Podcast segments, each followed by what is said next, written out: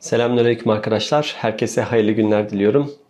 Bir başka soruyla karşınızdayız. Okuyalım sorumuzu. Allah'ın insanları imtihan ettiği söyleniyor. Fakat insanlar bu imtihana kendi iradeleriyle mi girmiştir? İnsanın kendi iradesiyle, kendi kabulüyle dahil olmadığı bir imtihanın neticesinde cehennem gibi bir yere gönderilmesi adil bir tutum olur mu? Arkadaşlar bu ve benzeri soruların içerisinde zımni yani açıkça dile getirilmemiş çok farklı varsayımlar var. Öncelikle bu e, örtük varsayımları ele alalım ve birkaç mantık kaidesini hatırlayarak başlayalım. İlk mantık kaidemiz kural olarak bir şey var olmadan önce onun üzerinde herhangi bir tasarruf yapılamaz doğal olarak değil mi? Dolayısıyla var olmayanın herhangi bir konuda izni de alınamaz. Eğer izni alınmışsa zaten bir benlik ve irade var edilmiştir ki izin almaktan bahsedebilelim. Soru gramer olarak doğru görünse bile mantıksal olarak yanlış. Çünkü sorudaki ilk varsayım tekrarlıyorum. Var olanın var olmadan önce izninin alınabileceği varsayımıdır. Tüm sellere karşı dayanıklı bir barajla tüm barajları yıkan bir sel karşılaştırılsa ne olur? Paradoks sorusu da buna benzer. Bu soru da gramer açısından doğru gözükür ancak aynı evrende, aynı evren seti içinde ya da aynı evren kümesinde bütün sellere dayanıklı bir barajla bütün barajları yıkabilen bir sel aynı anda bulunamaz. Dolayısıyla bu barajsel sorusu anlamsız bir sorudur. Yani hakikatinde bir soru değildir. Çünkü bir yerlerde şimdiye kadar bütün sellere dayanmış bir baraj varsa demek ki bütün barajları yıkmış bir sel yoktur ve olmamıştır. Olamaz da. Eğer bir yerlerde veya bir zamanlar bütün barajları yıkmış bir sel varsa ve bu durumda da bütün sellere dayanmış bir baraj yoktur ve bu da olamaz. Evet bir soru gramer dizilimi açısından doğru olabilir ama aynı soru varsayımsal ve mantıksal açıdan yanlış olabilir. Bu nedenle de cevaplanmaz, cevaplanamaz, cevaplanması da gerekmez. Her şeye rağmen verilecek herhangi bir cevap da yine anlamsız ve faydasız olacaktır. Aslında bu cins sorular gerçek soru da sayılmazlar. Bu soru açısından baktığımızda da hani bir imtihana kendi iradesiyle girmek öncelikle var edilmeyi ve irade sahibi kılınmayı gerektirmekte. Bunlar gerçekleştirildikten sonra zaten o şey yaratılmış olunur ve imtihana girilmiş olunur. İkinci mantık kaidemiz bir şeyin adil olup olmaması önceden tanımlanmış kurallara ve bazı varsayımlara bağlıdır. Mesela iki eşit insana birisi 100 lira verse ve bu sizindir dese bizler o miktarın 50'şer lira olarak her iki kişi arasında eşit olarak bölünmesini bekleriz. Adil olanın bu olduğunu varsayarız. Bu beklenti ve varsayımımız insanlara, insanların yaşamına, geçmişe dair analizlerimiz çerçevesinde oluşmuş bir varsayımdır. Yani belirli işlemlerden sonra ulaşılan bir sonuçtur diyebiliriz. Başka bir yerde mesela iki kardeş vardır. Biri bir iş yerinde çalışıyordur, diğeri çalışmıyordur. O iş yerinin sahibi gelip 100 lira verse bu sadece çalışan kişinin hakkıdır değil mi? Zaten işveren de ona borçludur.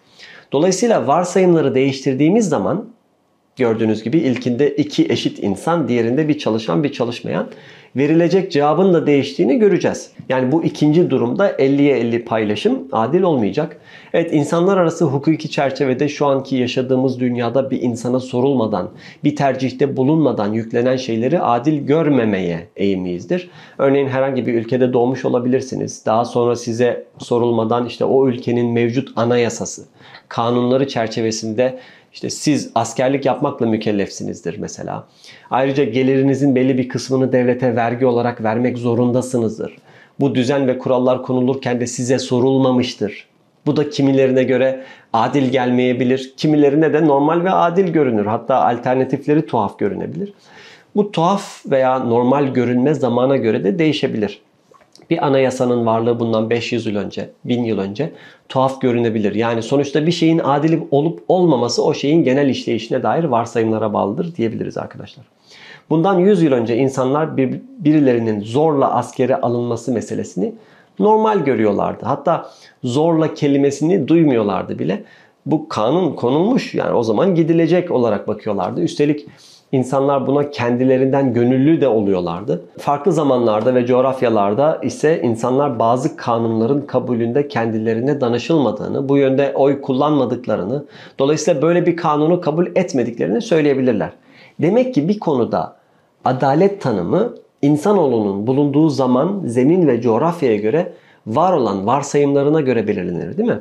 Yani kul ve ilah arasındaki ilişkiye dair belli varsayımlar açıkça ifade edilmeden bu konudaki herhangi bir olguya adil dememiz veya demememiz mantıklı değildir. Üçüncü bir mantık ve yöntem yanlışı da kul ile Allahu Teala arasındaki seviye ve mahiyet farkının dikkate alınmamasıdır. Bizler kulla Allah arasındaki ilişkinin, seviyenin ve mahiyet farkının mesafesini pek tahmin edemeyiz. Kulla Allah arasında mahiyet farkı olduğu gibi sahip olunan özellikler itibariyle de hesaplanamayacak kadar büyük bir fark vardır. Bu nedenle kul ve Allah ilişkisiyle ilgili yapılan çıkarımlar kul ile kul arasındaki ilişkiler arasındaki çıkarımlardan yola çıkılarak hiçbir zaman tam anlaşılamaz. Herhangi bir kelimeyi söylemeye niyet ettiğimizde önceden o kelimeden izin almamız mümkün değildir. Yahut saksıya bir çiçek, bir bitki tohumu ektiğinizi düşünün. Bunları ekerken o tohumdan izin almadığınız gibi çıkacak çiçek veya domatesten izin almanız da mümkün değildir. Üstelik anlamsızdır da yani. Bir şiir yazarken, bir doğa fotoğrafı çekerken kelimelerden veya tabiattan izin almak diye bir şey söz konusu olamaz. Yani eser sahibi ortaya koyacağı eserden tabii ki izin almaz. Hatta hakikatte o eser ortaya konulduğu için eser sahibine borçlu da olunur. Bizim de birer eser olarak eser sahibi allah Teala ile aramızdaki ilişki sadece bir borç ilişkisidir diyebiliriz. İrade meselesine gelince irade sahibi kullar olarak yani şiirden, bitkiden, çiçekten, fotoğraftan birer farkımız var. Bu doğru. Ancak İlk mantık kaidemizde dediğimiz gibi her şeyden önce bu irade bize verilmiştir, bahşedilmiştir. Bir imtihana kendi iradesiyle girmek ya da girmemek gibi bir ikili bir alternatif söz konusu olamaz. Çünkü cüz'i veya varsayımsal bir irade sahibi olmak zaten imtihana girmek anlamına gelir. Diğer yandan allah Teala'nın irade ve hükmüyle karşılaştırılınca bizim irademiz aslında pek de iradeye benzemez. Hani onun ilmi karşısında bizim ilmimizin, kudreti karşısında gücümüzün, merhameti karşısında merhametimizin yok denecek kadar az olması gibi hatta yok hükmündedir bile denilebilir. Konumuz itibariyle önemli olan bu tip sorularda Allahu Teala ile kulları arasındaki boyut, ölçek ve mahiyet farkının genellikle gözden kaçırılmasıdır. Genç zihinler içine doğdukları ve yaşadıkları dünyanın hukuki, sosyal ve işte doğal konularında kendileri için birer baskı aracı gibi görme eğiliminde olabilirler. Anne babalarının yönlendirici davranışlarını aile baskısı olarak gördükleri gibi askere gitmeyi, vergi vermeyi, devlet baskısı, ders çalışmayı, okula devam etmeyi, öğretmen ya da sistem baskısı olarak da görebilirler. Bunların bir kısmı tabii ki yani hakikaten haksız yönlendirme ve keyfi baskı da olabilir. Ancak bu durum kanunların varlığını haksız ve yersiz kılmadığı gibi onların işleyişine bir halel de getirmez. Sonuçta bireysel ve toplumsal yaşamda da siyaset ve hukuk alanında da bilimde ve doğada da her şey kanunlar etrafında şekillenir ve öyle işler. Bu kanunlara insanlar olarak bazen doğa kanunları, bazen fizik kanunları, bazen toplumsal kanunlar, bazen psikolojik kanunlar deriz. Bunlardan kaçmak yersiz, imkansız ve anlamsızdır. Hatta bir kanundan kaçış ancak bir başka kanuna ittiba olmakla mümkündür. Yani bize sorulmadan zaten ayarlanmış ve düzenlenmiş pek çok şey var. Ortalama sağlıklı bir insanın günde 2000 kalori alma zorunluluğu var ve bu ister doğa kanununun ister tıp kanununun bir dayatması ya da uzantısı olsun o insana sorulmadan düzenlenmiştir. Bu kanuna karşı çıkmak anlamsızdır. Çünkü günde 2000 kalori almazsanız ölürsünüz. Elinizi eksi 50 veya 100 derecelik bir suya sokup bekletirseniz o eli bir daha kullanamazsınız. 20 katlı bir apartmanın çatısından paraşütsüz aparatsız bir şekilde aşağıya atlayamazsınız. Yer çekimi sizi çekecektir. Bedeniniz de o kadar büyük bir darbeye dayanıklı değildir. Efendim hava atomları da sizi taşıyacak yoğunlukta değildir. Benzer şekilde günlük hayatımızda da gönlümüze göre zararlı maddeleri kullanamayız. Belli miktarları geçince sağlık problemleri bir sonuç olarak kendini bize dayatır.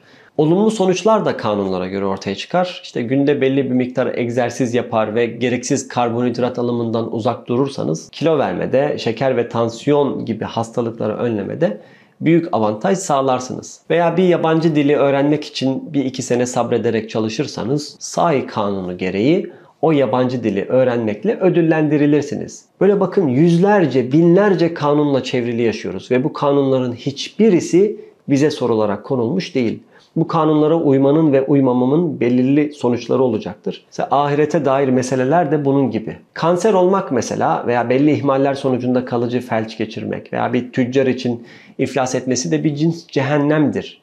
Veya tersini düşünelim. Şartlarını ve gereklerini yerine getirdikten sonra ideallerine ulaşmak gibi olumlu sonuçlar da bir cins cennettir. Yani zaten bu tarz binlerce kanunla sınırlandırılmış vaziyetteyiz. Bunlar da bize sorulmadan konulmuşken ve aslında bilerek veya bilmeyerek bu kanunlara uyarken aynı kanun koyucu başka meselelere dair dünyevi kanunlar gibi açıkça görünmeyen ama bizi bağlayan kanunlar koymuşsa koymuştur. Hiçbir önlem almadan 20. kattan aşağıya atlamayı tercih edebilirsiniz veya sizi cehenneme götürecek amelleri de tercih edebilirsiniz. Eser sahibi eserini kurmuş, kaideleri koymuş, sistemi hayata geçirmiş. Ardından farklı elçilerle bu sistemi ve kanunları öğrenmemizi de sağlamıştır. bu konuların bir kısmını Örneğin fizik konularını yaşayarak veya çalışarak öğrenebiliyoruz. Hayata dair bazı kanunları da yaşayarak öğrenebiliyoruz. Uhrevi kanunlar için de peygamberler gönderilmiş. Bu kanunların sonuçları da açıklanmıştır. Kabul edebilir veya etmeyebilirsiniz. Uyabilir veya uymayabilirsiniz. Fizik kanunlarıyla çatışmak isteyebildiğiniz gibi uhrevi kanunlarla da çatışabilirsiniz. Boşluk bulabilirseniz bu kanunlardan geçer kurtulursunuz ama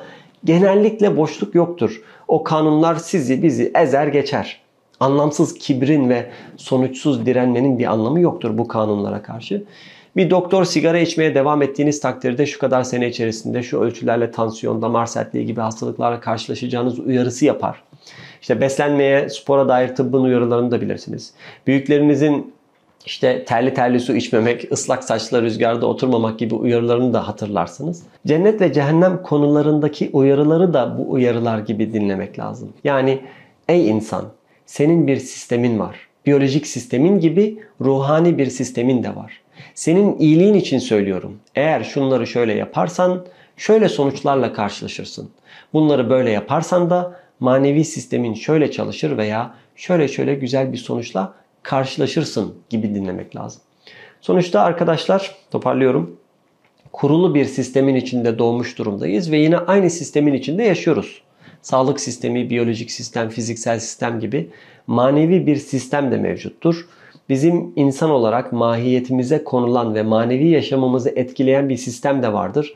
İnsanlara karşı gösteriş yapıp kibirle davranıp onların kalplerini kırmanın aynen uzun süre ve yoğun bir şekilde sigara içmenin sonuçları gibi sonuçları olacaktır. Böylesi kibirli ve zorba bir insana hak ettiği ruh hali de verilecektir.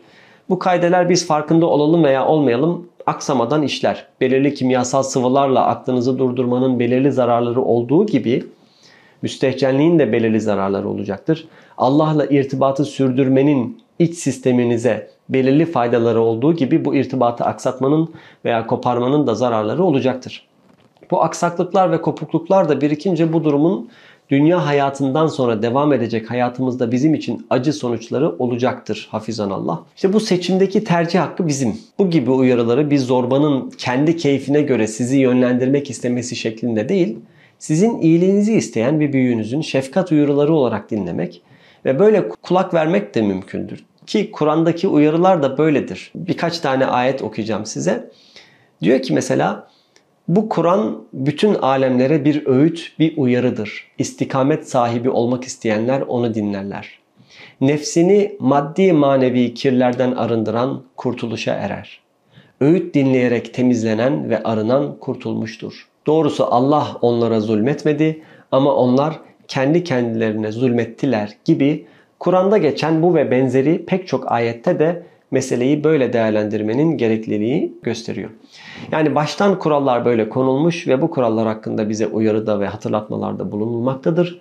Kalplerimizi yumuşatmak ve zihinlerimizin daha da açılmasını sağlamak için meseleye bu yönden bakmak bizim menfaatimize olacaktır. İnsan dilerse bu uyarılara kulak verir, dilerse vermeyebilir de. Makul ve mantıklı olan bu uyarılara kulak vermek manevi sistemin kanunlarına uymaktır. Bir de arkadaşlar bu konuda zaten kanalımızda güzel bir videomuz var. Videomuzun başlığı bize sorulmadan mı yaratıldık? Evet, bize sorulmadan yaratıldık demek istiyorum yani. Peki bunu öğrenince ne yapmak lazım? İşte bu videomuzun sonunda da yani şu yan tarafta görmüş olduğunuz videonun sonunda da o soruya cevap veriyoruz. Yine Kur'an'dan aldığımız bir dersle, feyizle. Selametle kalın. Allah'a emanet olun.